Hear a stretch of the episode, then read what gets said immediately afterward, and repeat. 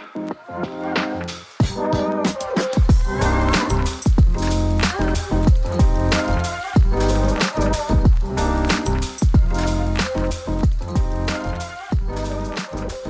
Welkom terug bij de negende aflevering van Voorkennis, de podcast waar wij wekelijks jouw business nieuws doornemen. Ik ben Noah en ik zit hier weer met Joshua, zoals elke week. Uh, we hebben weer een leuke aflevering vandaag. Uh, iets minder serieuze onderwerpen, misschien eentje wel, andere wat minder. Ja, wat luchtiger. En wat luchtiger, soms ook wel relaxed, uh, maar wel alsnog heel interessant en over business zoals altijd. Um, voor de rest gaan we denk ik redelijk snel beginnen. Zoals altijd, een beetje vol de Insta, de TikTok, al die dingen. Ik bedoel, als je luistert, ken je dat hele verhaal waarschijnlijk al. Maar ja, het is nog een, een, kleine tease, maar we zijn begonnen met, uh, met special. Ja, ja, ja precies. Je... Inplannen. Ja, dus uh, we hadden inderdaad een tijdje geleden die shorts gedaan. Ja. Uh, er waren een soort van kort, korte versies over één onderwerp. Dus eigenlijk normaal gesproken doen we dan drie onderwerpen, 15 minuten. Dan doen we één onderwerp, 15 minuten. Dan is dat een losse aflevering. Ja, precies. En, en een special wordt inderdaad echt meer... Heel long form. Ja, ja. Um, dat een beetje ja, een beetje een, een, celebration van maken, denk ik, is leuk. En dan dat gewoon op één onderwerp wat wij leuk vinden. Gewoon zolang we willen de diepte in. Ja, kunnen we het lang over hebben en gewoon uh, wel uh, iets heel interessants. Ik weet, we gaan het onderwerp nog niet uh, bespreken, denk ik. Maar ga je zien, maar... Gewoon er wat dieper op in, inderdaad. En echt, ja, wel een stuk langer dan een normale aflevering. En dan gewoon veel meer in detail. Want soms hebben we nog wel het gevoel dat als je 15 minuten natuurlijk een onderwerp moet bespreken. Ja, precies. Dan blijkt het een beetje oppervlakkig ja. nog. Van dat is ook soms is dat oké, maar we hebben ook onderwerpen wat we leuk vinden om echt uh, daar heel lang het over te hebben en gewoon de details in te gaan. Ja, precies. Maar uh, afijn, vandaag gaan we het dus uh, over drie onderwerpen hebben. We gaan beginnen met Argentinië en wat er daar aan de hand is met de economie. Ja. dan gaan we het over JetBlue en Spirit hebben. Dat zijn twee um, luchtvaartmaatschappijen. En die hadden een merger aangekondigd, maar dat ging niet helemaal goed. Ja. En uiteindelijk hebben we over de uh, Microsoft Activision takeover, toch? Ja, precies. Dus we hebben twee onderwerpen die eigenlijk over um, fusies en overnames gaat. Wat ja, ja, ja. Uh, leuk is, dan kunnen we het een beetje hebben over wat het is. En, uh, ja, goede inderdaad. Ook goede onderwerpen om dat een beetje te bespreken over voorbeelden, zeg maar. Ja, precies. Eigenlijk gewoon goed dat we dat samen hebben gegroept. Dan ja. kunnen we het in één keer erover hebben. Dat, Oké, okay, mooi. Laten, laten we beginnen met het eerste onderwerp. Let's go. Yes, dus um, het eerste is eigenlijk uh, nee, minder vrolijk dan de andere, zou ik zeggen. Um, het is een beetje op het nieuws deze week dat Argentinië grote problemen heeft. Okay. Zo zeggen. Het zijn er een paar. Ik ga zo even dissecten wat er allemaal gaande is. Um, maar ik wil beginnen met... We hebben het natuurlijk eerder al gehad over Argentinië in aflevering 8 bijvoorbeeld. Toen hebben we het gehad over nou, wat gebeurt als een land failliet gaat. En ja, ja. we zeiden al, bij Amerika is dat nog nooit gebeurd. En waarschijnlijk gaat het ook niet gebeuren. Uh, maar Argentinië is een voorbeeld van een land waarbij dat vaak is gebeurd. Ja, um, ze hebben niet een hele goede track record volgens mij. Nee, het is, het is, uh, ja. ze staan niet heel goed in de boeken, laat ik het zo precies. zeggen. Um, dus ja, het is interessant denk ik, om beetje te kijken, nu we toch in dat onderwerp zaten. Ja. Wat is nu gaan in Argentinië? Um, hoe gaan ze om met financiële problemen van een heel land?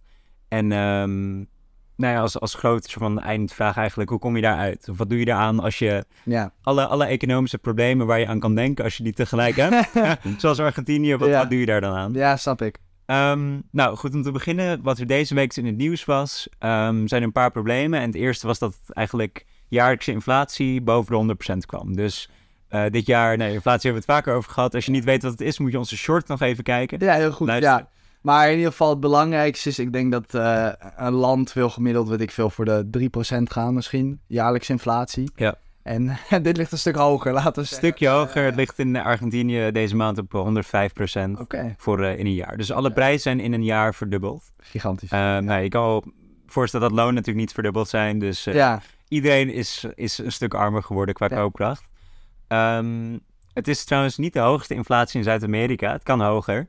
Eh, Venezuela heeft namelijk een hogere inflatie. Wil je raden hoeveel dat is? ja ik, volgens mij had ik er eh, toevallig een keer voor inflatie research over gedaan. Maar Mhm. ik, vol- is het niet iets van eh, het driedubbele van eh, Argentinië? 300% of zo, zoiets? Of Iets meer nog? nog meer? Ja, 500 Oh, oké, vijf keer zoveel. Ja. Kan nog, eh, nog stuk erger, maar... eh, Redelijk conservatief geschat dan nog. eh. Precies, precies. Nou, het, is, eh, het is allebei verschrikkelijk natuurlijk. Ja, dus als je een broodje koopt eh, dit jaar, is het over eh, een jaar vijf keer. Ja, letterlijk alles. Dan kan je je ook voorstellen dat inderdaad zijn, zijn gewone mensen die dat keihard raakt natuurlijk. Ja, vreselijk, ja. Dat, ehm, nou ja, dus... ehm, En dit is pas een van de problemen eigenlijk. Precies, het zijn, ik heb Ja, een beetje een opsomming Ja. inderdaad van vier, vijf eh, issues en dit is de eerste daarvan. Oh, mooi. Eh, de tweede is, dat heeft eigenlijk mee te maken natuurlijk, maar dat er heel veel protest is tegen president uh, Fernandez. Oké. Um, want hij heeft natuurlijk, nou ja, je houdt natuurlijk je staat zo verantwoordelijk voor um, de problemen die er een beetje in een land spelen en hoe de overheid daarmee omgaat. Um, nou, wat er dus daar nog bovenop komt, is uh, dat er heel veel droogte is geweest in Argentinië. Ja. de Argentinië die, die produceert heel veel graan, mais en soja. en daar zijn ze heel afhankelijk van. En door die droogte kon er dus minder van gemaakt worden. En soja heb je dan ook weer nodig om varkens van te voeden. Oké, okay, dus het is een soort van domino-effect. Precies. Dingen, ja. ja, dus het, begint, het probleem begint bij die droogte. En dan is daar een soort van domino-effect naar het effect eigenlijk alle, alle ja, dingen. Vele, ja, vooral zoiets. Ja, ik moet zeggen, natuurlijk niet, niet zo bedoeld, maar het klinkt soms redelijk middeleeuws. Van weet je, onze hele economie hangt bijvoorbeeld af van... Uh, ja, van graanproductie. Van graanproductie en dat soort dingen. En het is gewoon vervelend, want dit zijn dingen die buiten jouw controle liggen. Van, ja. Zij kunnen er niks aan doen dat opeens een jaar, ja... Nee, dat is de economie daar heel afhankelijk van is, is dat wel... Uh, ja. Bovenop de rest van al die problemen. waar die zo, ja. Dus daar ga, ga door. Um, dus inderdaad, ja, dus die droogte. Ja. Um, tenminste, de president Fernandes geeft ook de schuld van de problemen aan de droogte. Wat natuurlijk ja, misschien leuk. iets te makkelijk gedacht is, maar het is wel een goede scapegoat. Dat je kunt zeggen, het ja. komt niet door mij. Ja, want hij wil natuurlijk iedereen wel soort van de, de schuld van zich af uh, zetten. Precies, precies. Altijd, het is makkelijker om van een andere schuldige factor aan te wijzen en dan te zeggen, ik heb het niet gedaan. Um, het derde probleem, of vierde probleem, is uh, de peso's, de, de, de um, munteenheid die ze daar hebben. Uh, doet het ook heel slecht. Uh, de wisselkoers met de dollar die is nou ja, enorm gedaald. Dat heeft al heel lange tijd gedaan. Ja. Uh, de officiële wisselkoers is 218 pesos voor 1 dollar. Maar op de zwarte markt, een soort van de, de, de echte ja, ja, ja. Um, wisselkoers daarvan is bijna dubbel. Is 430 pesos per dollar. Dus nee, wat we daarmee bedoel zeggen is hun geld is vergeleken met Amerika, maar ook gewoon vergeleken met handelslanden. Want er wordt gehandeld in dollars mm -hmm. Dus uh, wat het simpel betekent, is voor hun is het gewoon heel duur om dingen uit het buitenland te kopen. Ja, precies. Ja. Um, wat het ook nog dus moeilijker maakt. Dus minder waard hun geld en al die dingen. Van precies, auto met dus, inflatie en al die dingen. Die ja, dus, dus. Argentijnse dingen kopen wordt moeilijker voor ze. En buitenlandse dingen kopen ja, ja, ook moeilijker voor ze. Ze kunnen geen kant op. Precies, je hebt, je hebt letterlijk geen plek waar je, geld nog goed uh, terecht kan. Uh, als laatste, um, IMF-lening. De IMF hebben we natuurlijk een paar afleveringen geleden over gehad. Dus wil je, wil je daar maar over weten, moet je daar... Een callback inderdaad. Terecht, precies. Dus voor nu uh, nou, houden we dat daar kort over. Maar um, die heeft 44 miljard dollar geleend aan Argentinië, waarvan 10 miljard een soort van cash injection is die ze dus nu hebben. Oké. Okay.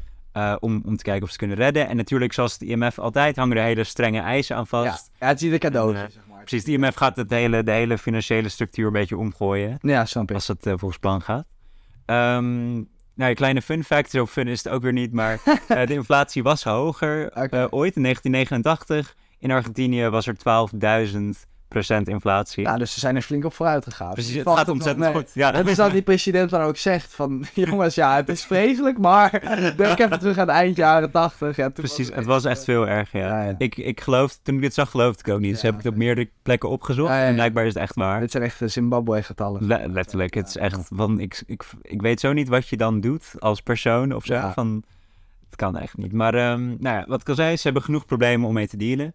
Uh, waar begin je? Van, ik had echt toen ik dit onderzocht, ja. ik dacht echt van, hier kom je toch nooit meer uit of zo. Van wat, wat kan je possibly doen aan dit soort problemen? Ja, het is echt een soort van alsof je, je een boot hebt en er zitten 500 gaten in en welke ga je het eerst van opstoppen? Ja, dus exact. Heeft het nog zin? Dan kan je net zo goed een nieuw boot pakken, ja, precies. Ja, het is, um, nee, lastig. Um, nou, het eerste stapje, we hebben het hier wel eens over gehad met, met rentestanden. Mm -hmm. uh, ook bij de inflatieaflevering hebben we het hier over gehad. Ja. Uh, bij de short Um, nou, de rentestand verhogen. En dat is dus deze week ook gebeurd. Van de media dat het daarom in het nieuws was. Okay. Um, de centrale bank heeft volgens mij 6, 7 procent verhoogd. 6, 7 procent verhoogd? Verhoogd. Oh, dus dat is ook mijn vraag. Hoe hoog denk je dat die rentestand nu is? Dus hoe, hoe duur is geld lenen? Ja. Echt nou, gegeven, is... dat is natuurlijk hoge inflatie. Ja, ze hebben gigantisch hoge inflatie. En als jij zegt van, ik bedoel, in Amerika volgens mij uh, zitten ze natuurlijk ook met inflatie en al die rentestanden. En daar ja. verhogen ze het uh, onder een procent per keer, zeg maar. Dus het, gaat, het gaat hier altijd met um, een kwart procent ja, per keer. Een kwart procent. Maar ja, als jij zegt 6, 7 procent omhoog ja. in één keer, dan moet het denk ik wel iets van, weet je al, 50, 60 procent zoiets. Ja? Ja. Zo, ja. Het is een stuk meer. Oh, Oké. Okay. Ik geloof, again, ik geloofde het ook weer niet toen ik het las. Ik heb het weer gecheckt, het is echt waar. 97 procent. Ja. Dus bijna, bijna het dubbele, bijna 100% ja. van het geld wat je... Maar dat, dat ja. is toch insane? Dus je, dus je leent 100 euro ja. en dan betaal ik je 200 euro terug. Maar hoe werkt dat überhaupt? Het is echt niet normaal. Van, je moet het aflossen en de rente is gewoon dezelfde prijs als die hele lening. Het is echt, ik, ik snap echt niet. dat is toch onmogelijk. Van. En ook hoe, hoe helpt dat zo? Van als je op, Want ze zaten dus op wat 90, 89 procent rente en dan verhogen ze het nog meer van wat helpt dat? ja, precies. Van, als het dan zo fout gaat, en wat gaat die extra 6, 7 procent dan Precies, van wie, wie leent er bij 90 procent wel, maar wil dat bij 97 procent niet meer? Van, Ja, Ik snap het. ja, precies. Ja. Een beetje een gekke manier van het oplossen, Ja, maar... apart. Ja. eh, nu ga ik mijn geld wel op de bank zetten of zo. Precies, ik Ja. weet niet. Maar eh, ze hopen daarmee dus ook de, de investeringen te stimuleren. Zodat- volgens mij is het idee erachter dat ehm, die rentestand komt natuurlijk ook bij banken weer Ja. doorheen dat, eh, bij de spaarrente. Dus volgens mij is het idee dan dat eh, buitenlandse investeerders soort van een spaarrekening in Argentinië nemen of zo. Ja, dat je een beetje geldinflux krijgt. Maar ja, het gaat Ja. eigenlijk wel gigantisch veel geld kosten. Dan. Precies. Ik, ik- Maar dat komt misschien ook door die, die, dat IMF eh, gebeuren of niet. Of dat ze nu iets meer geld hebben liggen. Of ja, dat ze ik, dat aankunnen. Ja, ik weet nog niet hoe het werkt. Maar... Maar, ehm, nou ja, dus je hebt inderdaad genoeg, hoog. ja, precies, genoeg problemen.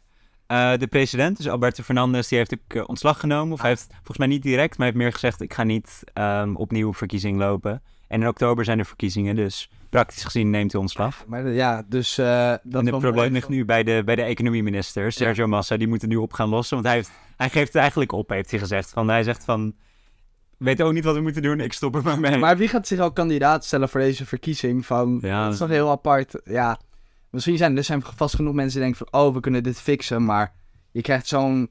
Weet je al...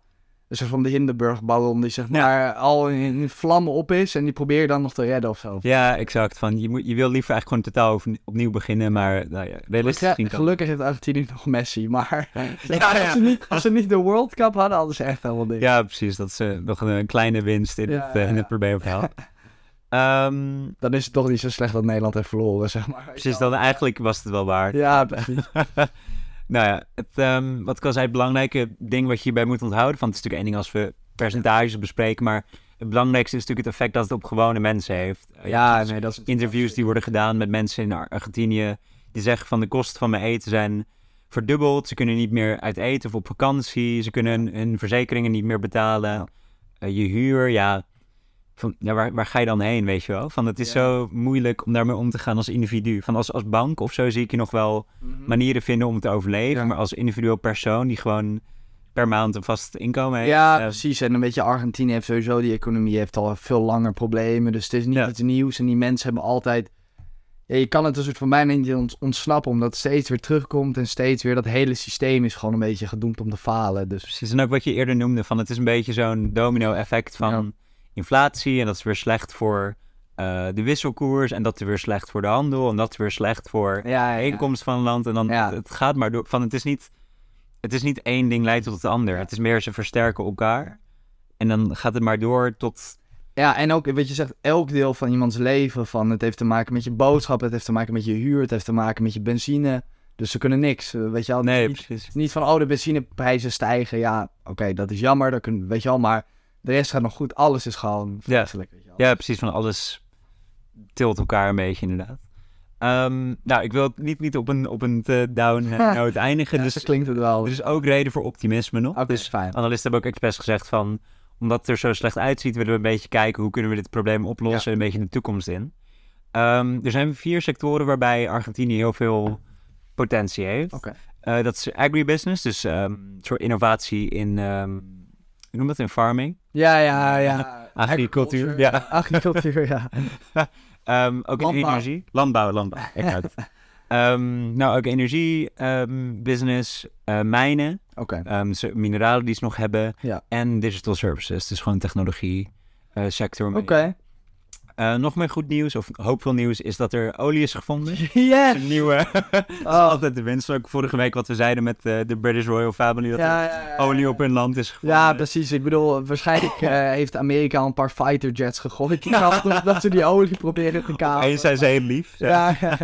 Nee, dus dat, Nee, is maar ik bedoel, dat is natuurlijk wat jij zegt. Het is natuurlijk wel een beetje stom dat we erover zitten te grappen van heel veel mensen. Het is natuurlijk een gigantisch groot probleem. En het echt, voor al die mensen, ik bedoel, vreselijk. Dus het, dit, dit soort dingen zijn natuurlijk wel fijn. Het is wel fijn dat je dat probeert ook inderdaad om te switchen van jongens, weet je, iedereen, we zitten in zo'n gigantisch situ- eh, slechte situatie. We gaan wel proberen de optimistische kant te kijken. Ja, exact. Weet je wel, investeerders, misschien mensen die helpen. Ja. En dat wat jij zegt, eh, landbouw, energie, de toekomst. dat we daar gaan kijken. Ja, precies. Van, eh, het probleem snappen we inmiddels wel, maar Ja. wat, wat kunnen we doen om het daadwerkelijk op te lossen? Dat is een dat goede instelling. En natuurlijk ook een beetje van, eh, van, soort van dieper dan dit kun je niet gaan. Dus kan je net goed kijken wat zijn de groeimogelijkheden om... Het kan alleen maar beter worden vanaf hier, Ja. denk ik. Dus dat eh, is mooi.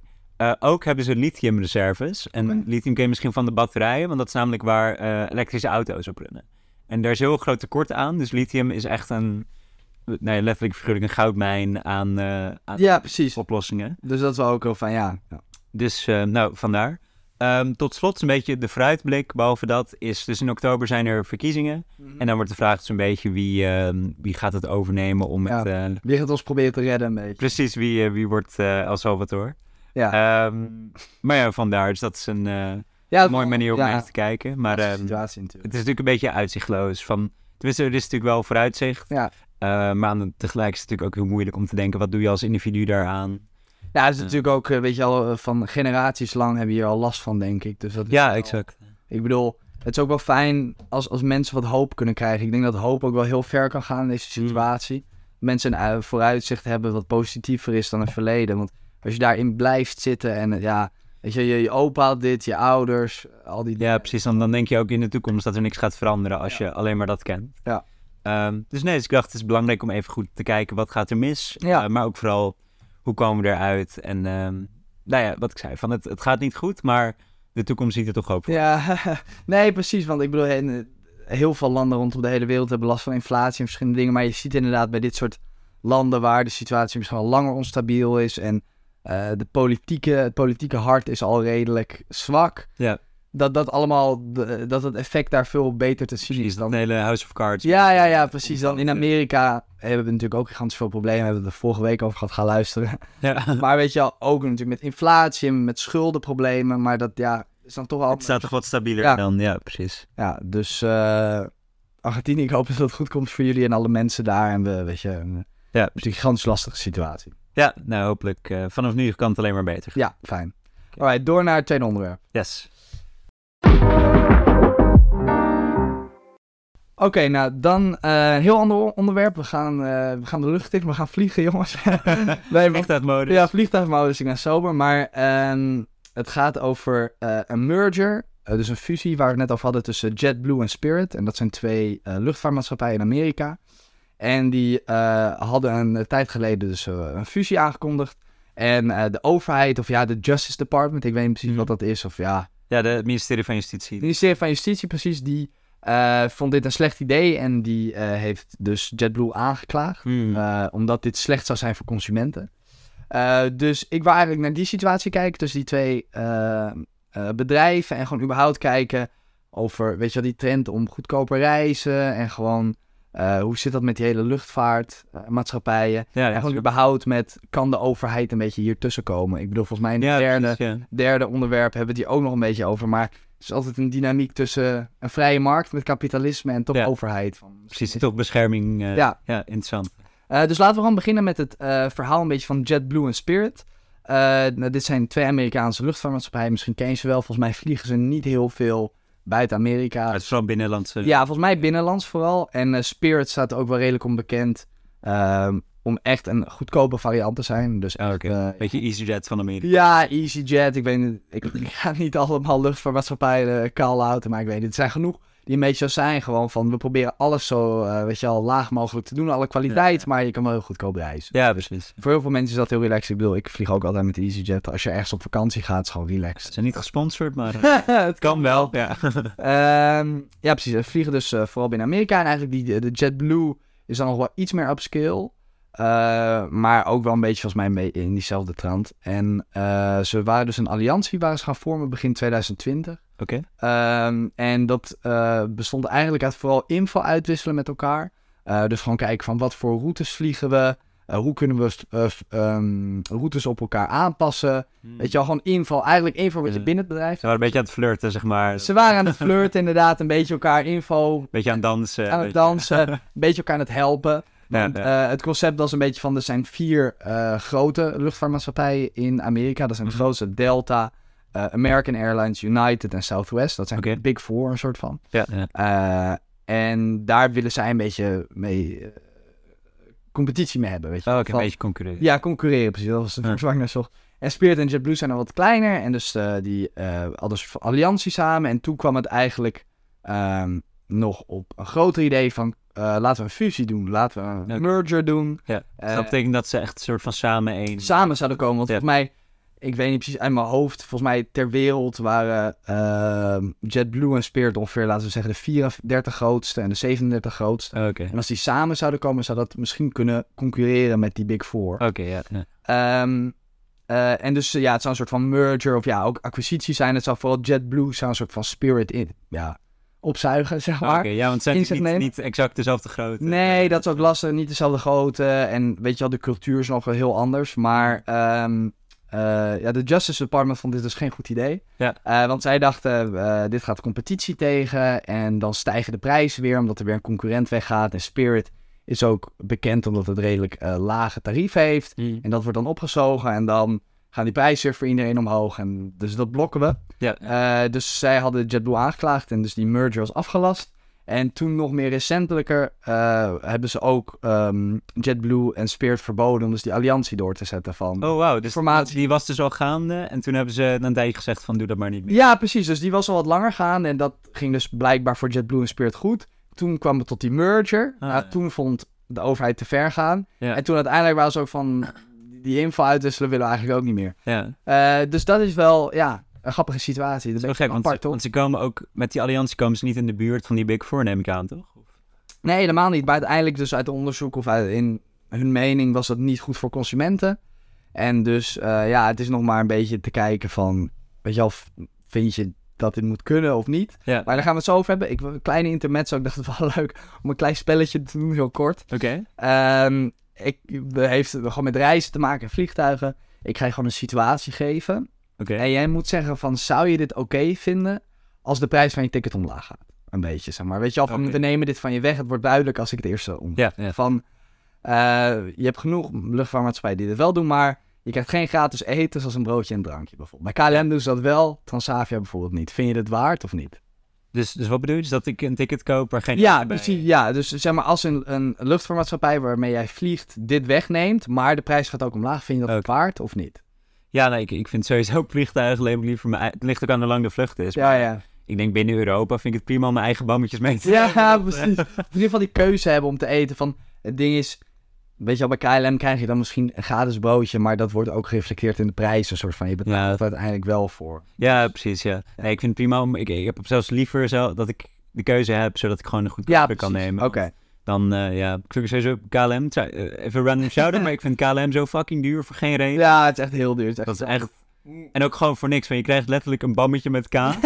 gewoon letterlijk dat. Ja, het is, En dan- is echt heel lekker. Het is echt van die fabriekkazen. Ja, precies. En ook de service is ook niet... Kijk, voor van Qatar of zo heb je Ja, ja. dan heb je, weet je wel, service. Maar het ding is ook wel vaak, ik bedoel, met, soms krijg je dan nog wel bagage bij. Ik bedoel, als jij met EasyJet vliegt, het is wel heel relaxed van, het is een stuk goedkoper. Maar als jij één ding wil toevo- toevoegen van bagage of wat dan ook, of betere stoelen, dan kost het gelijk 40, 50 euro erbij. Ja, precies, ja. Dat is ook wel Ja, voor upgrades Je misschien. krijgt is echt dan, niks eh, bij. Oké, nou dan gaan we door de tweede. Het wordt ook steeds iets, zeg maar, drastischer, wat ik zeg maar.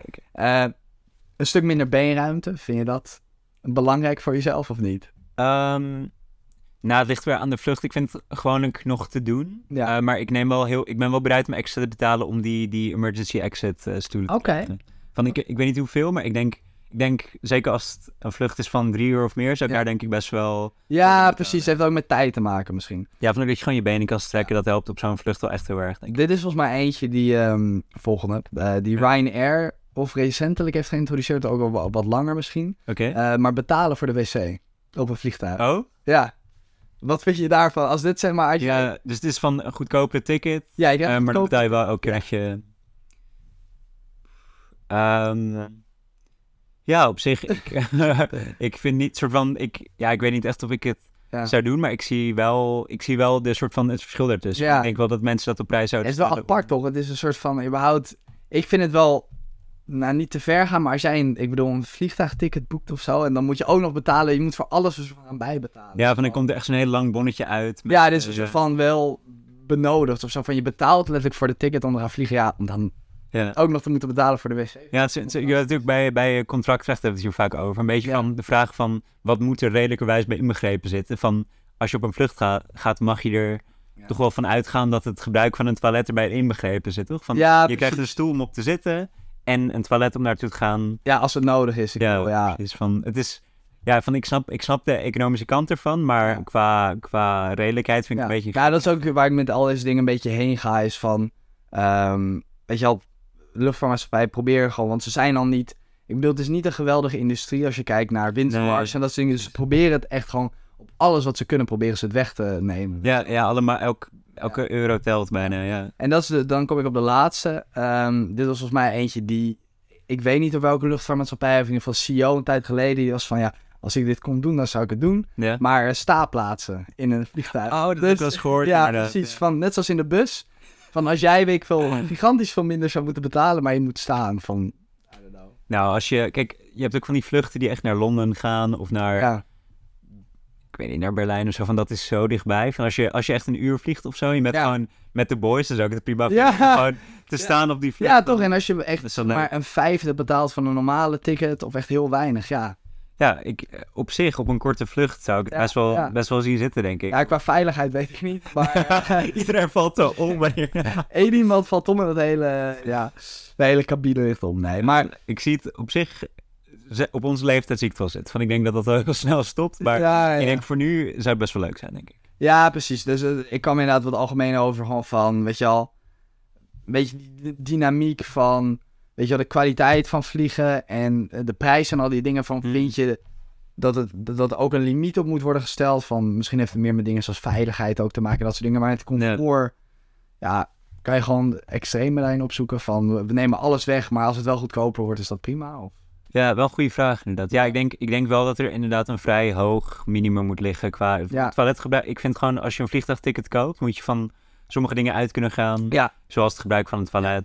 Ja, een beetje En, van die ja. basis Rond kunnen lopen. Tegen- Ja, precies. Ja, van, ik weet, Ja, je van- niet een, een zieke cocktailbar en allemaal gekke dingen, maar gewoon... Nee, ja, wat je zegt, gewoon basisbehoeften. Van een, een persoon moet gewoon naar het toilet kunnen en kunnen eten en drinken. Of tenminste kunnen drinken, minstens. ja, ja, precies. Wat water, of dat je die info kan... Ja, iets kan aanschaffen, maar dat... Ik vind het sowieso überhaupt als jij naar... Dat is iets heel anders, maar naar een bar of een club gaat en je moet ook nog betalen voor de wc, ben ik ook wel van... Ja, het is een beetje alsof je naar een festival gaat of zo. Ja, ja, van ik zit hier wel al in deze zaak en ik betaal om hier te zijn, I don't know, maar... Ja, van je hebt voor je ticket betaald, maar dan moet je eigenlijk voor alles wat je doet alsnog meer betalen. Ja, het is een beetje is het concept met ook Netflix en al die dingen van... Oh, we doen een abonnement, maar dan moet je ook advertenties kijken of zo, weet je wel. Mm. Dat vind ik ook zo apart dat je naar... Amazon Prime is heel gek inderdaad. Dat je ook naar de bios gaat en dat je alsnog 20 minuten naar advertenties moet kijken. Ik heb toch betaald voor het tikken naar de bios. Ik snap dat echt. Ja, precies. Waar betaal je dan eigenlijk Ik snap het voor echt op een gegeven moment? Ja. Maar, eh, Nee, ik vind ook, wat je zei bij Amazon Prime heb je dat inderdaad volgens mij. Dat je reclames moet kijken en films moet huren. Terwijl je al betaald hebt dat voor is je zo apart je, inderdaad. eh, Je betaalt subscription, voor de ja. subscription en dan moet je ook nog een film kopen. Van, Ja. Dat is al de reden dat ik... Ja, precies. Maar je, ziet Ja. ook al voor je dat ze gewoon inderdaad in zo'n boardroom zitten en zeggen gewoon van hoe kunnen we Ja. 4 milli omzet erbij pakken. Ja, ja. Het echt 50 cent per ding, maar dan als iedereen het doet. Ja, maar er werken natuurlijk ook inderdaad gigantisch veel mensen. Dat is een hele baan van proberen zoveel mogelijk winst te draaien op bepaalde dingen. Of zoveel mogelijk eh, eh, kosten af te schaffen. Zeg maar bepaalde hele kleine dingetjes. Precies, maar precies. Het zit hem juist de in kleine schaal is het wel ja. een miljoen inderdaad. Nee, lastig. Maar ik vind, ja, ik vind het ook weer zo'n ding waar... Ik, ik wil niet de, de rechterstudent doen, maar ik eh, vind het wel zo'n ding waar dan uiteindelijk wetgeving voor komt van... Ja. Een vlucht moet minimaal dit hebben. Of als jij dit zegt, dan... Weet je, als je een vlucht verkoopt, het concept vlucht moet minstens toilet gebruiken bij... Er moet dat bij zitten, ja, ja. Dat, Dat vind ik, vind wel goed inderdaad. redelijk. Ja. Ehm, want ook, je hebt, ik weet niet of je dit had gezien, maar er was een onderzoek gedaan ehm, naar van die vakantiedeals. Je hebt nu ook van die reclames van, ehm, van, van TUI en Corendon Ja, en zo. Ehm, die zeggen van, ga, maar, ga voor maar 400 euro naar Griekenland of zo. Precies. En dan ga je daarvoor kijken. En dan, wat je zei, uiteindelijk moet je er heel veel dingen bij doen, obviously. En dan heel veel dingen, heel veel kleine dingetjes Ja, die er nog bij komen. En uiteindelijk betaal je vaak minstens het dubbele als waarvoor ze adverteren. Dus dat is ook illega- Ja. letterlijk eh, Ja. illegaal verklaard. Ja, precies. Want je, je, je adverteert iets anders inderdaad. Precies, het is letterlijk een leugen bij. Maar dat is ook inderdaad het ding van als jij... eh, precies dat, maar dan iets meer naar deze vluchten. Daarom als jij vlucht opzoekt, dan komt altijd EasyJet... of misschien zoals Spirit dat ook wel hebben in deze situatie. ja. Die komen dan bovenaan te staan met goedkoopste tickets. Maar uiteindelijk als jij, ik veel, bagage zou willen meenemen... en al die dingen kom je misschien bijna op hetzelfde als Skyland of dat soort dingen. Ja, exact. is zoveel duurder, al die dingen. Maar dat Het is een beetje Azië, technisch gezien niet in de ticket, dus dan telt het niet. Ja. Zoals die booking dingen. Oh, dan is het een boeking, maar dan krijg je alleen inderdaad dit. En je krijgt eigenlijk nog niet eens een bed. Of je krijgt Ja. niet eens dit, weet je al. Van, dus, Precies. ja. Ja, een beetje gekke pricing inderdaad. Ja, wat je zei, het is een beetje een rare Ja. industrie. Ook met dingen dat als je een vliegticket wil boeken... ehm, en dan ga je weg en dan kom je later terug en is die prijs verhoogd. Omdat je een tweede ja, keer omdat je meerdere keer... Ja, ik, dat soort dingen dat ik echt ben van... Het is gigantisch slim hoe mensen hierop zijn gekomen, maar het is eigenlijk illegaal. Ja, letterlijk. Ja, precies. Maar ja, ik hoop... Dat is ook het lastige van wetgeving, dat altijd later komt dan Ja. whatever er gebeurt. Ja, tuurlijk, want mensen komen er eerst achter en dan kunnen ze dat voor een tijd exploiten en dan... Ja. Ja. Nou, maar in ieder geval eh, misschien iets groter gewoon op dat hele, ook, dat hele fusieverhaal en het hele ding dat de Mm. eh, justitie daartussen kwam. Ehm, misschien wil je eerst over het volgende onderwerp hebben voordat we het hierover hebben, maar ja, vind je sowieso de overheid en deze situatie, vind je dat dit moet kunnen of is daar een limiet of van, vind je dat een beetje een aparte situatie met, met Ja. concurrentie en met, weet je, er zijn natuurlijk heel veel dingen ook met kartels en met, weet je al, prijs proberen op te krikken. Ja. Ehm, maar vind je in deze situatie bijvoorbeeld dat het wel moet kunnen? Of ben je van ja, het is, het is de markt, er is een fusie aangekondigd, ze gaan dat doen.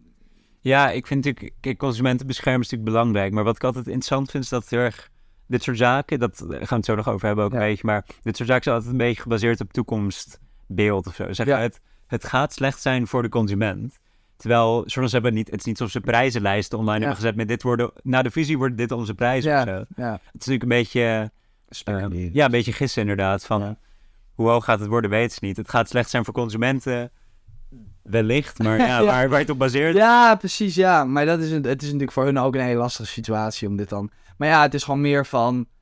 eh, ja, dit zijn gewoon winstgevende bedrijven en uiteindelijk is hun doel wel winst maken. En ja, dan komen ze ertussen van... Nee, je kan niet dit businessplan doen of je kan niet de acquisitie, je kan niet de fusie doen. ja. Ja, vind ik ook wel apart een beetje ergens, weet je wel. Ja, het ligt er ook een beetje aan van. Ik denk ook tegelijk dat het wel belangrijk is om te. Ik vind de timing meer interessant. Van ik, vind- het concept ben ik het wel mee eens van ehm, dat, dat de overheid moet kunnen instappen om Ja. consumenten te beschermen.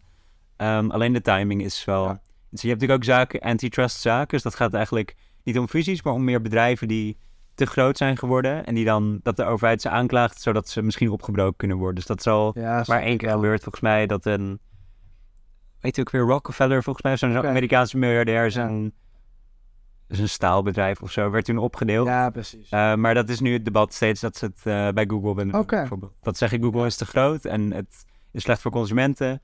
Dus eigenlijk, in plaats van dat je een fusie blokkeert, zeg je dan, we gaan het opdelen in stukjes. Ja, precies. Ja, maar dat, heb, ik bedoel, dat hebben we ook eerder zien heertje. Die, die Big Four met de luchtvaartmaatschappij, maar we hadden ook met Ja. consultancy. Oh ja, de- met EY hadden we het ook nog gehad. EY, ja. KPMG, al die dingen. Dus dat gebeurt wel vaak inderdaad dan in een bepaalde markt, dat er een soort van, ja, Het consolideert in een paar grote namen. Ja, Dan, ja. nee, interessant. Ja, het is sowieso interessant om inderdaad te kijken hoe die markten... Ja. Het zijn hele andere markten van consultancy en luchtvaart, maar uiteindelijk lijken ze ook wel op elkaar qua business. ja, en qua marktspelers en gewoon die dynamieken van de prijs omhoog doen of dat soort dingen. Dus het is wel iets eh, interessants. Precies, of juist als, als monopolist dat je juist je prijzen heel laag doet, eh, zodat je iedereen alle concurrentie eh failliet laat gaan en daarna doe je prijs omhoog. Ja. De Uber-strategie. Ja, precies. Dat, is Probeer eerst gewoon zoveel mogelijk te groeien en daarna gaan we kijken naar, kunnen we ook echt geld verdienen. Ja. Nee, precies. Ja, lastige dynamiek. Het is gewoon heel erg case by case kijken, denk Ja. ik, wat er eerlijk is. Maar ehm, ja, ik, ik ken de zaak niet goed genoeg, maar ik vind het wel gek dat ze heel speculerend zeggen, dit gaat slecht zijn Ja. voor consumenten. Ik weet niet hoeveel, ehm, hoeveel basis ze hebben om dat te zeggen. Ja, wat jij zegt, het is inderdaad case by case. Dus deze situatie is zich nog nooit voorgedaan. Dus ze weten het. Precies, ja. Maar ja, het is ook mee de vraag van liever voorkomen dan genezen. Weet ik niet. Ik, in dit geval misschien niet. Ja. Maar, eh, Nou, ik weet niet, maar eh, denk er zelf over na, zou ik zeggen. Ja. Dan gaan we door naar het eh, derde en laatste onderwerp. Ja, het is inderdaad wat we al zeiden, onderwerp 3 past hier heel goed bij. Dus Oké, de basiskennis hebben jullie klaar liggen. maar ehm, nee, dit gaat over de overname van Microsoft, die Activision Blizzard wil overnemen. Ehm, nou, Microsoft, die ken je van de, van de computers en ook de eigenaar van Xbox. Dat is hier het belangrijkste. Oké. Dus je moet, als Microsoft zegt, moet je eigenlijk denken Xbox. Ja. Xbox, ja. Ehm, en die willen Activision Blizzard overnemen. En dat is, even kijken, degene die eh, Call of Duty daar eigenaar van is, die dat maakt. Ja. Eh, World of Warcraft en Candy Crush. Ja, want volgens mij, je hoort hem misschien ook wel in de naam. Volgens mij Activision en Blizzard zijn al zijn al gefuseerd. twee bedrijven die gefuseerd zijn inderdaad. Dus, uh, Precies, daar is al een beetje voor geschieden. Maar dit zijn inderdaad gigantische games. Ja, kijk, als je niet per se in de gamewereld zit... Ik zit er niet mega diep in, maar misschien dieper dan sommigen. Maar net Call of Duty gaat om miljarden elk jaar. Ja. World of Warcraft en... Ja, Candy Crush, dan denk je zo'n stom spelletje op je telly, maar... Het is gaat- miljarden waard. Ja, het is idee, miljarden ja, waard, ja. Precies, ja. Nee, en wat je zegt, vooral Call of Duty, dat is alleen ook qua naam. Van, je hoeft Ja. maar de naam Call of Duty op je spel hebben staan en het is gegarandeerd Ja. enorm. Ziek. Ehm, nee, dus twee nee, machtige, belangrijke bedrijven, zeker in die sector. Ehm, en je zou denken, nou, Microsoft wil Activision overnemen voor 70 miljard. Stuur maar een tikkie en dat is het, weet je wel? prima. Eh, maar het is toch niet zo makkelijk, zoals je al zei. Ehm, in dit geval moeten namelijk autoriteiten dat dus van tevoren goedkeuren. Dus. Ehm, het gaat hier een beetje anders dan wat jij, bij, bij jouw geval.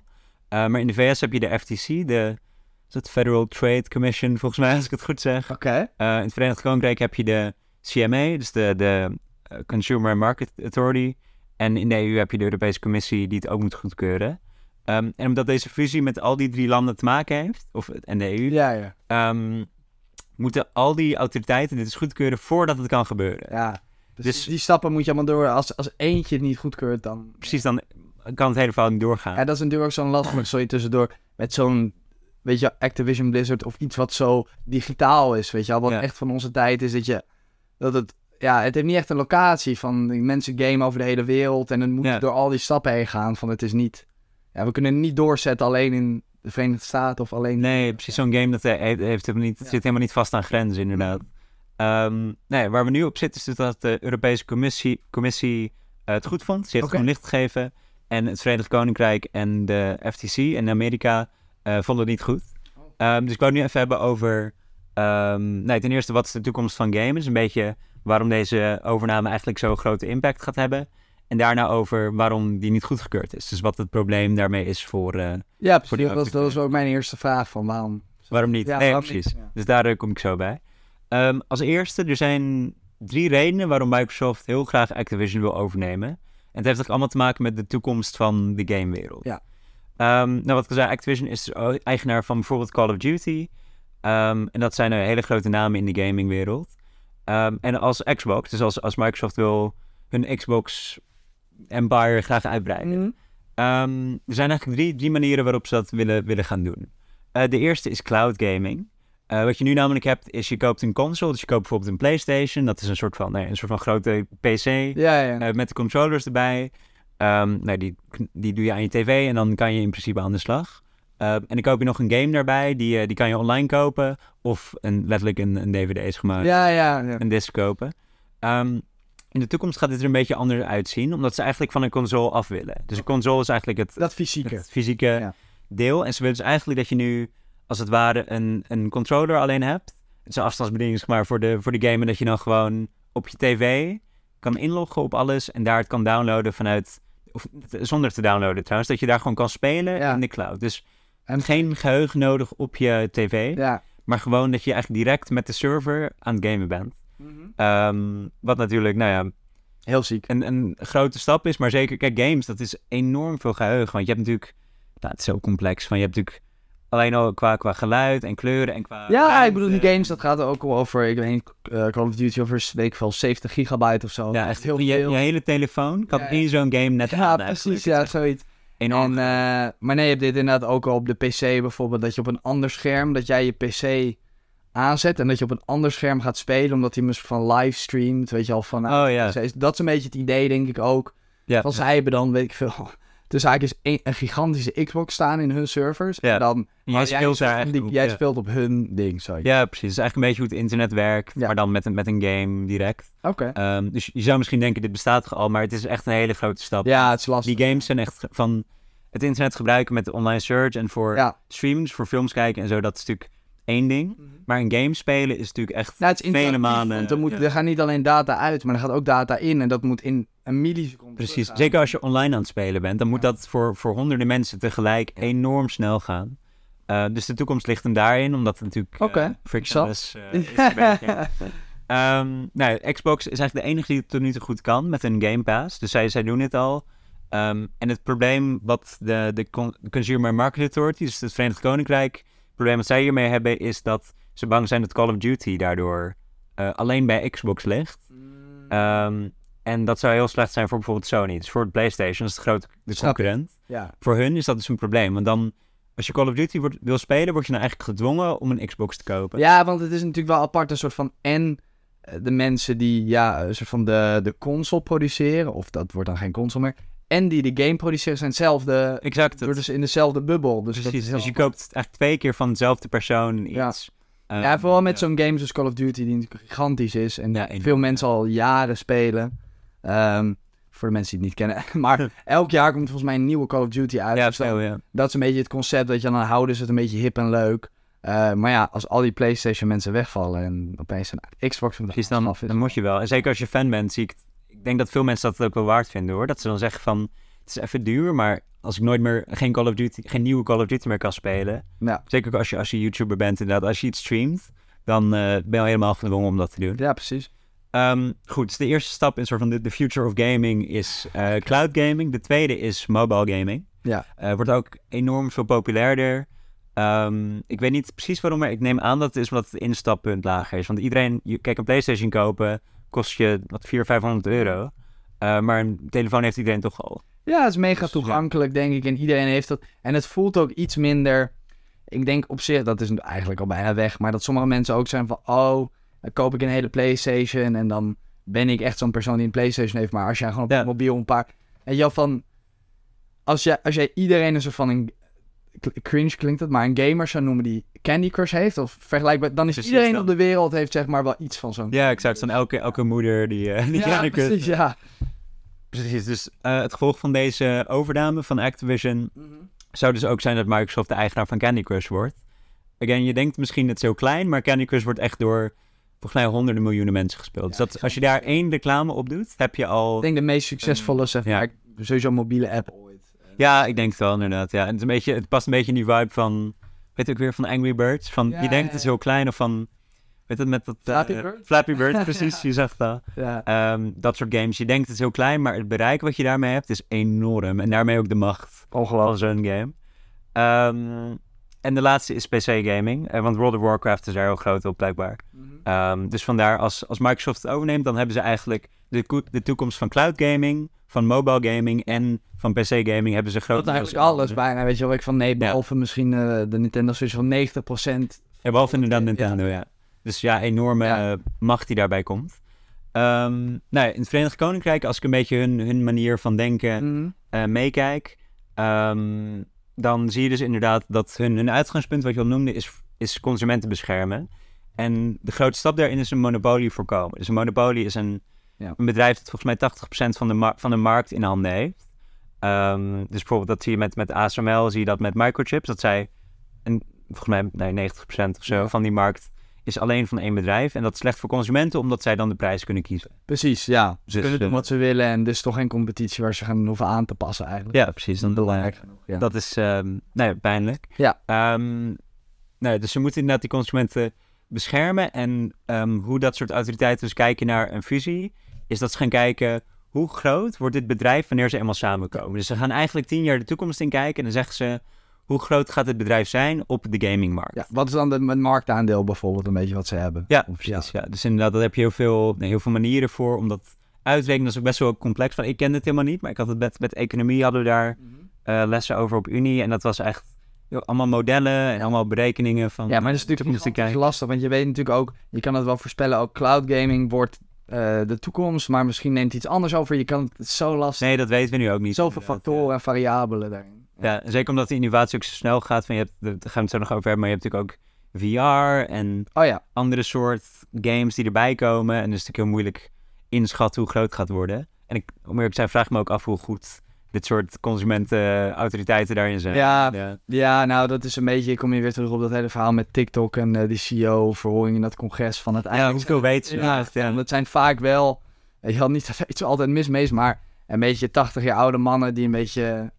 Ja, die maar één wereld. Ja, precies, die, eh, nog, die leven nog wel in 1950. Ja, In hun hoofd, ja, sorry. ik precies, letterlijk. Nee, het is wel waar, ja. En vooral met dit soort zaken en met ja. dingen zoals TikTok, met dingen zoals gamen, dingen die gewoon veel moderner zijn. Van ja, hoeveel kunnen ze echt over weten? Dus I don't know. Ja, precies, lastig. Maar het nog lastig. gehad, hè. Ik denk ook wel, ik had het, ik wil het niet, misschien niet op de podcast zeggen, maar ik had ooit nog wel als een soort van business idee dat we een soort van jeugdbedrijf moeten opzetten dat soort van advies kan geven over dit soort dingen. Omdat alleen, alleen jonge Oh, mensen, ja, ja, ja. weet je, dingen als social media of gamen, jonge mensen die snappen dat gewoon beter omdat ze daar meer in zitten of daar meer opgegroeid zijn. Ja, dan kan je een soort van expertise dan. Ja, Dat of een wel- soort focusgroep verkopen. Ja, ja, ja. is gewoon een goede... Goeie inderdaad. Oké, niet in de podcast zetten. Nee, nee, nee, ik ga dit eruit editen. zo. Nee, uit.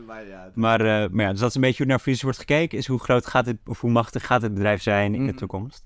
Eh, er is ook een manier waarop je daar een beetje omheen kan komen. Dat heet een, een joint venture. En dat is eigenlijk als je met twee bedrijven niet fuseert, maar als je besluit om samen eh, research and development te gaan doen. Oké. Dus dat je samen een soort project Ja. opzet. Wat een joint venture is. Een, dat je samen een soort van eh, stuk van een bedrijf. Middelen daarin stopt en gewoon een soort van... Ja, het lijkt een beetje op die, op die alliance volgens mij. Is een beetje ja, precies. zo'n soort concept Zoiets. van je werkt heel close samen. Oké.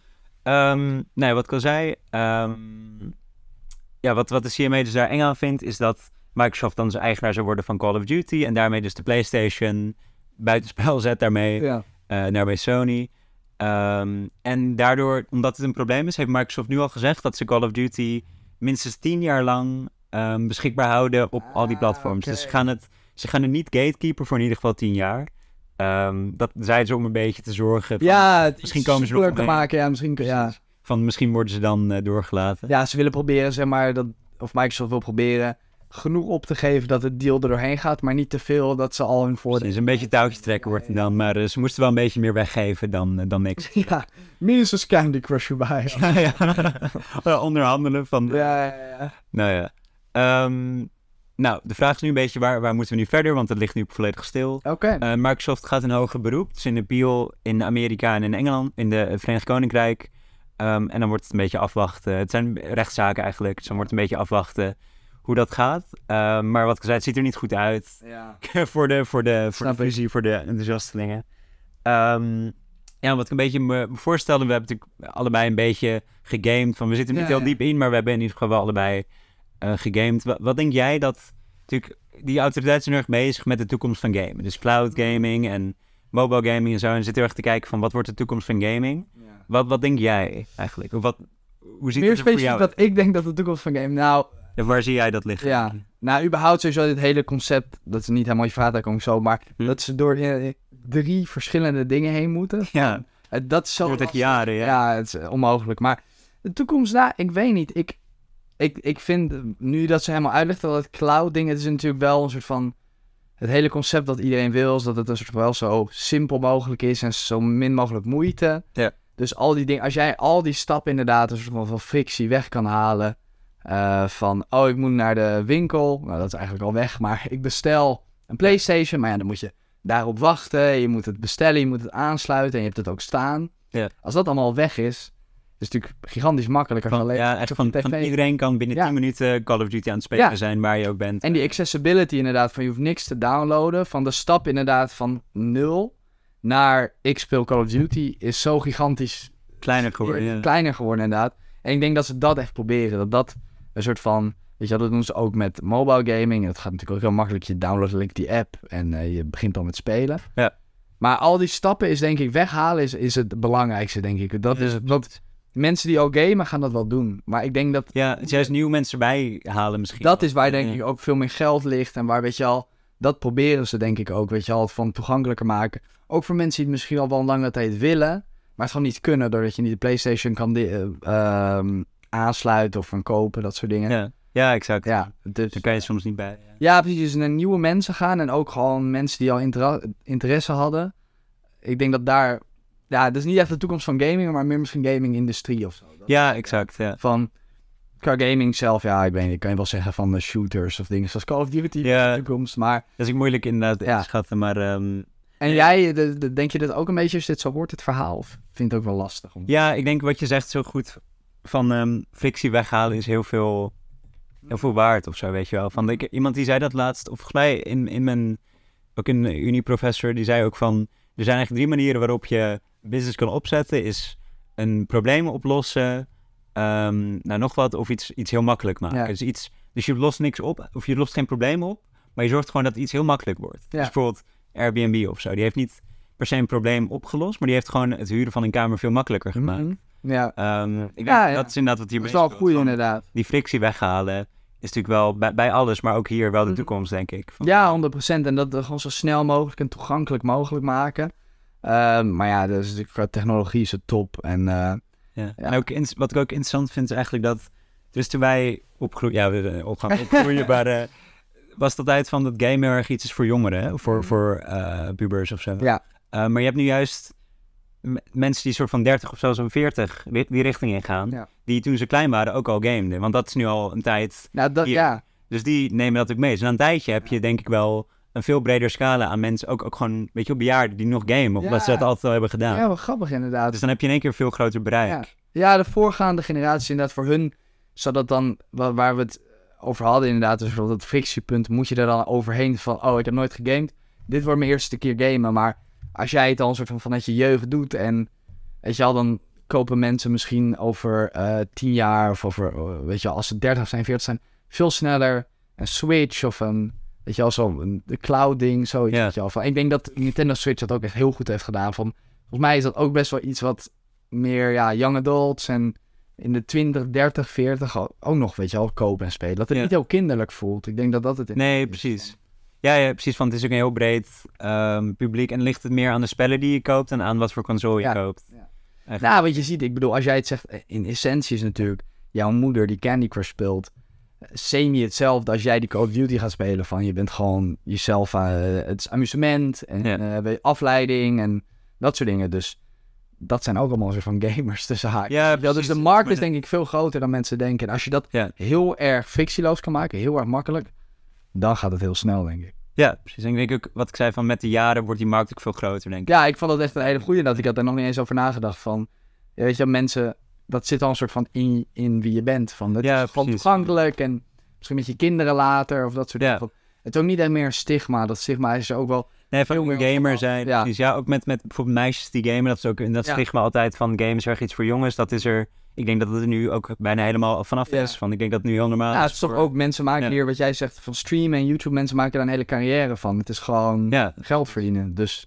dan wordt het ook sneller serieus genomen. Ja, exact. Nee, het is eh, ja, een hele interessante industrie. Ook wat je zei van grappig om te zien dat eigenlijk het aan, aan vaak oudere mensen is Ja. die, die niet zoveel ervaring hebben met gamen of met TikTok en zo. Die dan hierover beslissingen maken. Ja, precies. Dat- Maar, eh, maar ik- als laatste vraag ook een beetje naar jou van het is natuurlijk veel genuanceerder. Maar als jij dit zo hoort van ja of nee, weet je wel, jij bent de Europese Commissie of de Commissie in de Verenigde Staten van laat je dit doorgaan of niet? Van Ehm, ja, die is moeilijk. Ik, ik ken de markt die niet, nee, nee, snap ik. Nee, dat is natuurlijk ook een stomme vraag. qua... Want ik zou bijna als ik dit allemaal hoor, ze zeggen nee. Ja, precies. Ik vind het lastig inderdaad. Ik leun ook meer naar nee, omdat het is... Het, hoe ik het voor me zie is Xbox die een soort van games claimt en dan Mhm. daar een hack omheen zet. En zeg je alleen met een Xbox mag je dit spelen. En zeker games Call of Duty, die zijn overal heel Ja. populair. Dus dat is, dat is wel problematisch. Dat is ook het, het idee van consumentenbescherming. Is je kan niet zo genaaid worden met dat soort Ja, dingen. precies. Nou, Dus ik zou inderdaad meer nee Ja. zeggen dan ja. Natuurlijk, als die, het is wel fijn als dit systeem, als die partijen los van elkaar staan. Weet je wel, van Ja, ja. de, de mensen die consoles maken, de mensen die de games maken, weet je wel, al dit soort dingen. En die precies en die verkopen dan aan elkaar eigenlijk of zo. Dat dat een beetje ehm, diverser blijft, denk Ja. ik. is wel gezond voor een markt om eh normaal Ja, want er bestaan ook al wel, voor, weet je wel, bijvoorbeeld PlayStation exclusives of Ja. spellen die alleen daarop kan staan. Maar inderdaad, van dit soort dingen die zo groot zijn, is dat wel Ja, precies. Ik vind, ik vind denk ik wel oké als games bijvoorbeeld eerder uitkomen ergens. Van, Ja, dat is dan nog wel, maar dat gebeurt sowieso ook al wel. Ja, precies. Van die komt inderdaad de eerste twee maanden alleen op Xbox en daarna op de rest Ja. of zo. Maar niet voor eeuwig, zeker bij Call of Duty, is dat nee. een probleem, denk ik. Nee. Ja, ik bedoel, ik denk dat er natuurlijk ook nooit echt een goed antwoord is. Dus dan is het wel interessant om hier te kijken wat al die partijen gaan zeggen. Ja, precies. En dan, eh nou, ik ben ook benieuwd inderdaad of dat hoger beroep voor, eh, van Microsoft. Ik denk jij vooral benieuwd bent of je nog op je PlayStation COD kan spelen. Ja, ik, eh, ik denk wel dat ik redelijk boos ga worden. Nee, ja, ja, precies. probleem. Nee, oké, mooi. Nee, goed. Oké, dus sluiten we een beetje dat onderwerp af ook. Ja. Oké, goed. Nou, dan hebben we die drie, eh, onze drie grootste nieuwsitems gehad. Wel interessant. Eh, iets eh informeler, sommige dingen. Maar ja, uiteindelijk is het ook wel inderdaad het concept van, weet je, hoe werkt een bepaalde sector, hoe werkt een bepaalde markt. Ja, ook leuk om naar te kijken. Ja, precies. Zeker als je die markt wat minder goed kent, is dat wel leuk. Leuk uitstapje, denk ik. 100%. Dus ik denk nog om het af te sluiten, een beetje wat we vaker wel doen van die honorable mentions, maar dan gewoon revampen we het misschien een klein beetje naar gewoon kleine nieuwsitems. Als het interessant lijkt, weet je wel, doe er zelf research naar, maar wat we gewoon Ja. zagen. precies. Van, uh, vinden we leuk en je kan zelf meer kijken. Als... Het, is niet, het zijn niet echt gigantische nieuwsitems, maar meer gewoon dingen die zijn gebeurd. Ja, wat viel ons op deze week? Ja, ik zag toevallig, want er komt weer waarschijnlijk een nieuwe iOS binnenkort. Weet je, een nieuwe uh, iPhone-update. En volgens mij, ja, je hebt natuurlijk die hele trend nu met AI en de stemmen nadoen en dat soort dingen. En volgens mij komt er dan een functie dat jij weer voor 150 um, uh, voorgeschreven uh, zinnen moet inspreken. Okay. Met allemaal verschillende klanken, weet je wel. En dan uh, slaat je iPhone dat op en dan kan hij precies jouw stem nadoen, gebaseerd op wat jij typt. Dus, ja, jouw eigen stem. Ja, ja, maar zeg maar, ja, precies. Dus wat al gebeurt met bekende figuren zoals Trump en Biden. Ja, ja. En dan kan jij dat gewoon doen. Dan heeft, uh, weet je, als er bijvoorbeeld 150 zinnen en alle klanken die er mogelijk zijn, worden, en dan kunnen ze helemaal jouw stem kan gewoon nagullen. Dat is jammer. En volgens mij hun motivatie is als van, oh, als jij jouw ouder wordt en je raakt je stem kwijt en een beetje van Stephen Hawking, maar het is wel, nee, het is wel een beetje eng, weet je wel. Van... Ik vind het heel eng. Ik vind ook, we hebben hier met, met, met, uh, nee, met Engels les vaak over gehad, maar we zitten een beetje in dat post-truth era, denk ik. Van ja. Dat nu, nou, ik, dit gaat niet voor veel dingen goed zijn, denk ik. Nee. Van, ik kan je stem, dan als ik jouw stem kan kopen of zo, dat ik jou alles kan laten zeggen Ja. en zet je het online en dan is het niet waar, maar je Ja. bent toch al gecanceld. Ja, of iemands imago en dat soort dingen. Het is wel gewoon lastig ook met dingen zeggen dat ik zeg van... Oh, ik haat deze bepaalde groep mensen. Of, Ja. Weet je, dat, dat soort dingen gebeuren, ja... Kan, dan kan ik zeggen, nee, dit is fake. Maar als het precies klinkt zoals ik, ja. Precies, het, is al, het beïnvloedt mensen toch wel. Van zelfs als ze weten, je hebt het niet gedaan, Ja. toch zijn ze minder Ja, open daar naartoe. Ja. Nee, ik vind dat echt, ik vind dat echt zorgelijk. ja Dat, 100%. eh, Maar het relax is wel dat we gewoon de podcast kunnen uit- uittypen... en dat ik niet meer hier hoef te zitten. Maar, Ja, ja, precies. ja, dat lachen is dan nog het enige. Aha, dit was zo leuk. Sony, PlayStation, weet je wel. Maar eh, nee, prima, alright. En dan had jij nog ook een kort, eh, kort iets? ja, nou, CEO, die, of Twitter heeft een nieuwe CEO. CEO heeft een nieuwe Twitter. Ja, ja. Ehm, want eh, nee, Elon Musk, die, mensen waren niet tevreden met zijn leiderschap en hij heeft het vrij druk, denk ik. Dus hij gaat terug naar de auto's. Precies, hij gaat terug en alles wat hij doet. naar de auto's. Maar ehm, nee, ik vond het wel interessant ook een beetje die, die dynamiek tussen eigenaar van een bedrijf en CEO. Dat mensen denken vaak, CEO is de baas, maar natuurlijk is de eigenaar van een bedrijf Ja, ja, de baas. Ja, precies. Uiteindelijk. Interessante dynamiek vind Ja. altijd. Ja, tussen management en CEO's en eh, shareholders en al die dingen van überhaupt aandeelhouders. willen- Ja, uiteindelijk is iedereen's doel is altijd een beetje anders. Dus dat een beetje hetzelfde krijgen is wel heel lastig. Ja, exact. Ja, zeker bedrijven die dus één eigenaar hebben. Of Ja, één. Weet je wel, dat is eh, Nee, ik denk dat het wel leuk is wat Elon Musk doet, maar dat hij inderdaad beter op andere dingen kan focussen. precies. Van de eigenaar zijn ze één ding, maar ik denk dat die... Dus Nee, loopt ook niet zo goed met Twitter. Nee, maar- nee, maar als je, ja, als je genoeg geld hebt, dan maakt het allemaal niet uit. Hij doet maar wat hij wil. Ja, precies. Het is, eh, nee, ik vind het interessant dat Twitter, dat soort platforms zijn ook belangrijk, los van dat ze een bedrijf zijn. Ja. Ook gewoon omdat mensen daar hun- van politici en Ja, nou, heel vorige keer wat we het over hadden, van dat, dat je kan doen alsof je een bedrijf bent en dan met het vinkje erbij en dan zeg je iets. Ja, het is waar we het- hetzelfde concept als we net zeggen met die iPhone-stem van... Ja, Het is gewoon fake. je weet, je weet eigenlijk nooit meer of iemand nou echt iets heeft Ja. gezegd of dat het fake is. Dat, daar zijn we nu voorbij. Dus blijf kritisch, want... Ja, anders dat is het eh, belangrijkste. Dat het is wel goed dat je dat zegt. Ik was ook vergeten te zeggen dat dit eh, allemaal geen financieel advies is. Maar gelukkig hebben we deze aflevering niet heel veel over gehad. Eh, koop Twitter. Nee, maar... eh, ja, wat jij zei inderdaad, van dat soort dingen. Het is gewoon een hele lastige situatie. Maar Ja, precies. Zeker ook, niks vertrouwen en kritisch zijn. en ook met de Balenciaga Pope en zo. Ja, ja, ja. ja. Het past overal bij, maar zeker nu AI zo mainstream. Doe altijd jezelf eigen research. En weet je, geloof niet eens wat wij zeggen. Maar, zeg maar dat soort Dus check alles dubbel. Wij zijn ook eh, bots, dus vandaar. Ja. ja, geniet van de rest van je week. Maar, nou oké, dan is dat hem denk ik ook de laatste sectie een beetje. En, ehm, weet je, laat ons weten wat je ervan vond. En eh, dit soort onderwerpen of andere onderwerpen vind je het veel interessanter als we het over, eh, weet je wel, schulden hebben en rentes en Het inflatie. is een beetje macro-economie of juist wat meer over visies en bedrijven. Ja, dit waren wel twee leuke onderwerpen of zo. Twee leuke voorbeelden van Ja, het kan zijn. Ook wat luchtiger dan we eerder hebben gedaan. Dus dat, eh, nee, dat is leuk. Heb jij nog een, een woord wat je wil zeggen voordat we gaan? Nee, nou, eh, blijf kritisch. Ja. Geloof niet alles wat je hoort. Ook Ja. van ons niet. Ja, heel goed inderdaad. En eh, zoals ik net zei, mijn robots, en geniet van de rest van je week. En eh, tot de volgende aflevering. Ja, tot de volgende week.